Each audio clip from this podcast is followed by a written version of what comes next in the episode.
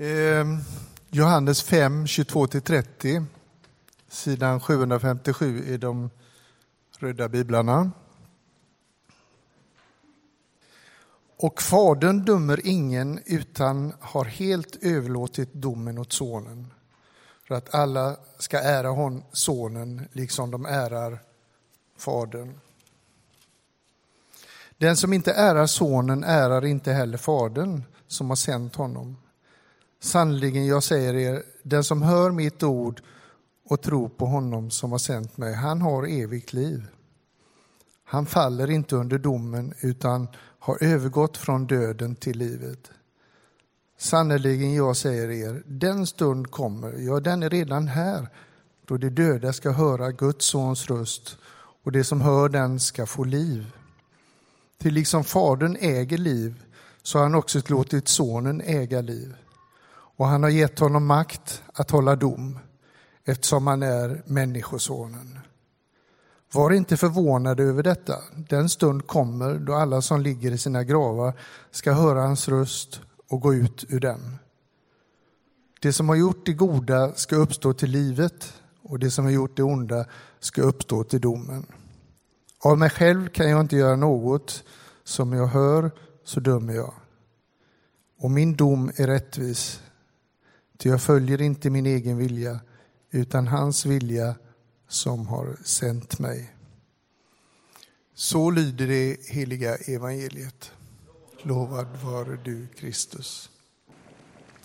Fint att få möta församlingen igen från predikstolen tycker jag. Elin Alm heter alltså jag och har förmånen att just nu vara hemma med en liten fyra månaders. Idag är det alltså någonting som vi i kyrkan kallar för domsöndagen. Och det är sista söndagen på kyrkans år och på söndag, första advent, så är det alltså starten på ett nytt kyrkoår. Och har ni firat gudstjänst de senaste söndagarna, kanske här i Saron, så har ni fått möta teman och texter som vaksamhet och väntan och samhällsansvar. Och så nu alltså domen. Och med största sannolikhet skulle jag tro att vi som sitter här har lite olika känslor och tankar inför domen. Jag gjorde så att jag i veckan ringde runt till lite olika personer så frågade jag deras första känsla och tanke när jag sa domsöndagen. Här får ni några av svaren. Någon sa direkt, oh, det skapar en stor olust i mig när du säger de orden. Och så berättade hon om en film som man såg när hon var tonåring. Kanske någon av er har sett den. Den hette visst Som en tjuv om natten. Och hur den filmen hade skapat en så otrolig ångest i henne att hon en dag skulle vakna upp och vara själv kvar hemma. Jesus hade kommit tillbaka, men hon blev lämnad kvar. Någon annan sa att man ska ställas inför rätta med sitt liv, tänker jag på. Eller någon sa, alltså jag är helt blank. Domsöndagen känns så gammalt. Någon tänkte på gamla Småland, när man inte fick göra någonting och alla fick ångest för livet. En annan sa, jag vill leva ut min tro så att så många som möjligt ska få en tro på Jesus. Det kan väl dröja ett tag innan Jesus kommer tillbaka, för det finns så mycket jag vill hinna uppleva först. Eller, det här är den värsta helgen av alla i kyrkåret, för den tar upp något som inte rimmar med min gudsbild. Man kan helt klart säga att det finns en laddning kring denna söndagens tema med frågor som vad tidens slut innebär, eller texter som vi läste förra söndagen om någon som kommer som en tjuv om natten. Eller texter om får och getter, himmel och helvete. En av vår tids utmaningar skulle jag säga, det är att orka stå emot det bekväma i att mest lyssna till människor som tycker ganska likt mig själv. Det är idag väldigt lätt att välja nyhetsrapporteringar och samhällsdiskussioner som mest styrker min egen åsikt och min egen världsbild. Och jag skulle säga att det är liknande med vår tro. Det är lätt att återkomma till bibeltexter som jag gillar och som jag känner mig trygg med och som styrker min gudsbild. Och välja bort teman och texter som de vi har idag. Domen och Kristi återkomst är inte de områden som de flesta av oss gillar att stanna upp vid. Men låt oss idag försöka oss närma oss detta tillsammans med eventuella skav eller rädslor som några av oss kan ha. Och jag vill att vi börjar och tar vår utgångspunkt i hurdan Gud är. Hur din gudsbild ser ut.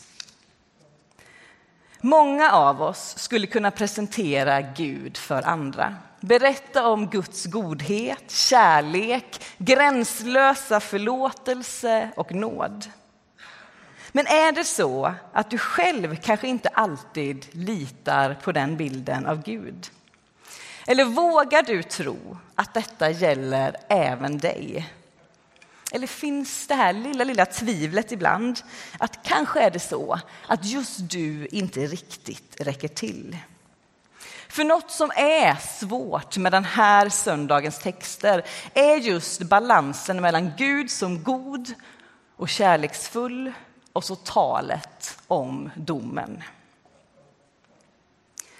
I den tidiga kyrkan så kände man en stor förväntan och glädje när man talade om Kristi återkomst. Bland de som hade kommit till tro på Jesus så räknade man med att man skulle vara vid liv när Jesus kom tillbaka. Men när människor så småningom började dö i de här församlingarna så blev det lite förvirrande. För det stämde inte längre riktigt med deras tanke kring den sista tiden. Och genom åren i kyrkans historia så har det i olika sammanhang predikats om den sista tiden. Och en del har haft riktiga domedagspredikningar om att det strax är dags. En del har till och med berättat om den exakta tidpunkten då Jesus ska komma tillbaka. Även om vi kan läsa i Bibeln om att Jesus själv säger att ingen utom Fadern känner tiden när Jesus ska komma tillbaks. Och kanske har det här bidragit till att vi inte riktigt klarar av att närma oss frågan om domen. Att det har varit för många som har kapat den förkunnelsen och gjort den så skild från vårt eget sätt att både tala och tolka Bibeln. Så vi har sett det enklast i att bara strunta i just den delen av tron. För de första kristna var alltså Kristi dom något trösterikt och hoppfullt. Att de skulle bli befriade från sina förtryckare. Men någonstans längs med kyrkans framväxt så avtar den här ivriga längtan och tron på Jesu återkomst, att han snart ska se, att den snart ska ske. Och känslan ändrar sig från det förväntansfulla till det kanske lite mer ängsliga. Och den känslan som en del av oss har med oro över att inte räcka till och kanske oron över att bli lämnad kvar den dagen Jesus kommer. De som verkar ha lättast för det här med Kristi återkomst och inte minst domen är de människor som lever under någon sorts förtryck. Att Jesus snart ska komma och ställa dem som torterar eller mördat till rätta, inför rätta. Och svårast kanske de har som anar att man lever över sina tillgångar, har tagit sig rättigheter som inte varit befogade. När Jesus talar om domen och tidens slut gör han det ofta till religiöst tvärsäkra, skriftlärda, laglärda eller för all del sina egna lärjungar. De som har väldigt tydliga föreställningar om vilka som är vi och vilka som är dem. Men är det verkligen så att gränsen mellan ont och gott går mellan människor och folk? Eh, är det inte snarare så att det liksom går en gräns mitt i oss alla? Som Paulus uttrycker det. Det goda jag vill, det gör jag inte. Men det onda jag inte vill, det gör jag. Alla har vi del av det onda och det goda. Och i det så blir texten idag lite extra besvärlig. För ingen av oss är ju så tydligt det ena eller det andra, utan vi är lite både och. För två söndagar sedan så var temat i kyrkan samhällsansvar. I det kristna livet finns någonting viktigt och det är det ansvar vi fått ifrån Gud. Ansvaret och förtroendet att ta hand om Guds skapelse, både jorden och varandra och visa vem Gud är. Det är ett stort förtroende. Det är svårt och samtidigt så är det vårt uppdrag. Kanske känner du igen dig i att om du till exempel får förtroendet att utföra en arbetsuppgift på ditt jobb så förväntar du dig att din chef ibland ska kolla hur det går, följa upp och visa intresse. Och om man inte följs upp så vet jag inte om det känns som ett förtroende fullt ut. Utan då hade det kanske mer känts lite så här, ja, ja, gör det eller gör det inte, det spelar inte så stor roll. Och så tänker jag att det också är med förtroendet vi får från Gud. Det är ett jättestort förtroende att ta hand om vår skapelse och varandra och berätta för hela världen om vem Jesus är. Men om Gud inte brydde sig om att han har gett oss det förtroendet, vad hade då det förtroendet varit värt? Men det Gud säger är att jag har ett jättestort förtroende för just dig. Du får en viktig uppgift. Jag tror på dig. Men det kräver också lite grann av dig. Att du tar ansvar, att du har kommunikation med mig under tiden. Och glöm inte att jag aldrig släpper dig själv, utan jag går med dig hela tiden. Men det är så lätt för oss att inte vilja se det här ansvaret. Det är lättare att plocka russinen ur kakan, eller hur det nu är man säger. Det är lätt att stanna vid sanningen med stort S. Att Gud älskar alla. Och Gud gör verkligen det. Han älskar varenda människa utan förbehåll. Men det är lätt att stanna där och sen inte även ta fasta på att det finns någonting i vår tro som säger följ mig. Det kommer inte alltid vara lätt, men jag lovar att det är värt det. Du kommer tvivla ibland, du kommer misslyckas ibland. Men Gud säger, jag slutar inte älska dig för det. Jag älskar dig inte mer eller mindre beroende på om du lyckas eller misslyckas. Men jag förväntar mig att du inte snickrar ihop din tro på egen hand, utan att du vågar se e- även de saker som kanske skrämmer dig, som kanske gör dig arg. Och jag förväntar mig att tron inte bara stannar här uppe utan flyttar in i ditt hjärta och sen ges vidare via dina händer och dina fötter. Ingen förstår allt om Gud. En dag kommer vi alla göra det, men inte än. Men vi kan lita på att Gud är en kärleksfull Gud. En Gud som dömer rättvist. Som inte dömer med världens ögon. Gud är en förlåtande Gud. En Gud som ger oss nya chanser. Och ibland när jag vacklar i den gudsbild som jag ofta presenterar för andra men ibland själv har svårt att lita på fullt ut så läser jag om och om igen om lärjungen Petrus som förnekar Jesus, som sviker men som också får chansen att stå för sina handlingar och be om förlåtelse. Gud är rättvis. Gud vill alla människor. Och det är viktigt att vi pratar om domen, om Kristi återkomst, om tidens slut. Även om det hos en del av oss skapar obehag och rädsla.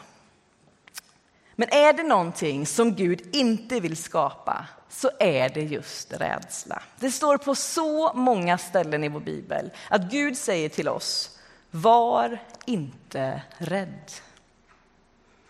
Skapar till exempel en förkunnelse rädsla i dig, köp då inte det som sagts rakt av. Stoppa inte heller huvudet i sanden, utan ge dig den på att förstå. Prata med andra, be till Gud, fundera och sök så att du hittar Guds godhet i dina frågor och funderingar. Söndagarna inför första advent vill ruska om oss. Jag tänker att det är bra att ta tillfället i akt så att vi mer kan ta emot julens budskap när det kommer. Så låt oss liksom kosta på oss om att ruskas om lite den här domsöndagen och bli uppmärksamma på hur vi lever våra liv. För de här söndagarna vågar peka på sånt som kan vara svårt att förstå. Och det vill få oss att se att vi har ett ansvar. Vi har fått kunskap om en del och utifrån det är vi kallade att agera. Och ser jag till mig själv så är det obekvämt att stanna upp inför detta. För jag har inte alltid mina prioriteringar rätt. Men jag har en längtan om att mer och mer få det. Att mer och mer göra det jag vill och inte det jag inte vill. Jag önskar att jag använde allt färre dåliga ursäkter för att rättfärdiga beteenden som egentligen inte är särskilt bra. Och alla våra misstag eller tveksamma intentioner, alla rädslor vi har erbjuder Jesus oss att lägga fram inför honom. Och så får vi be om hjälp att hitta en väg vidare. Oavsett hur mörkt det kan kännas så handlar vår tro om att mörkret aldrig någonsin kommer vinna. Mörkret, det onda vi ser runt om oss kan kännas kompakt, kan skapa ett sådant mörker inom oss. Men Jesus har kommit och vunnit över döden och en dag ska allt mörker försvinna.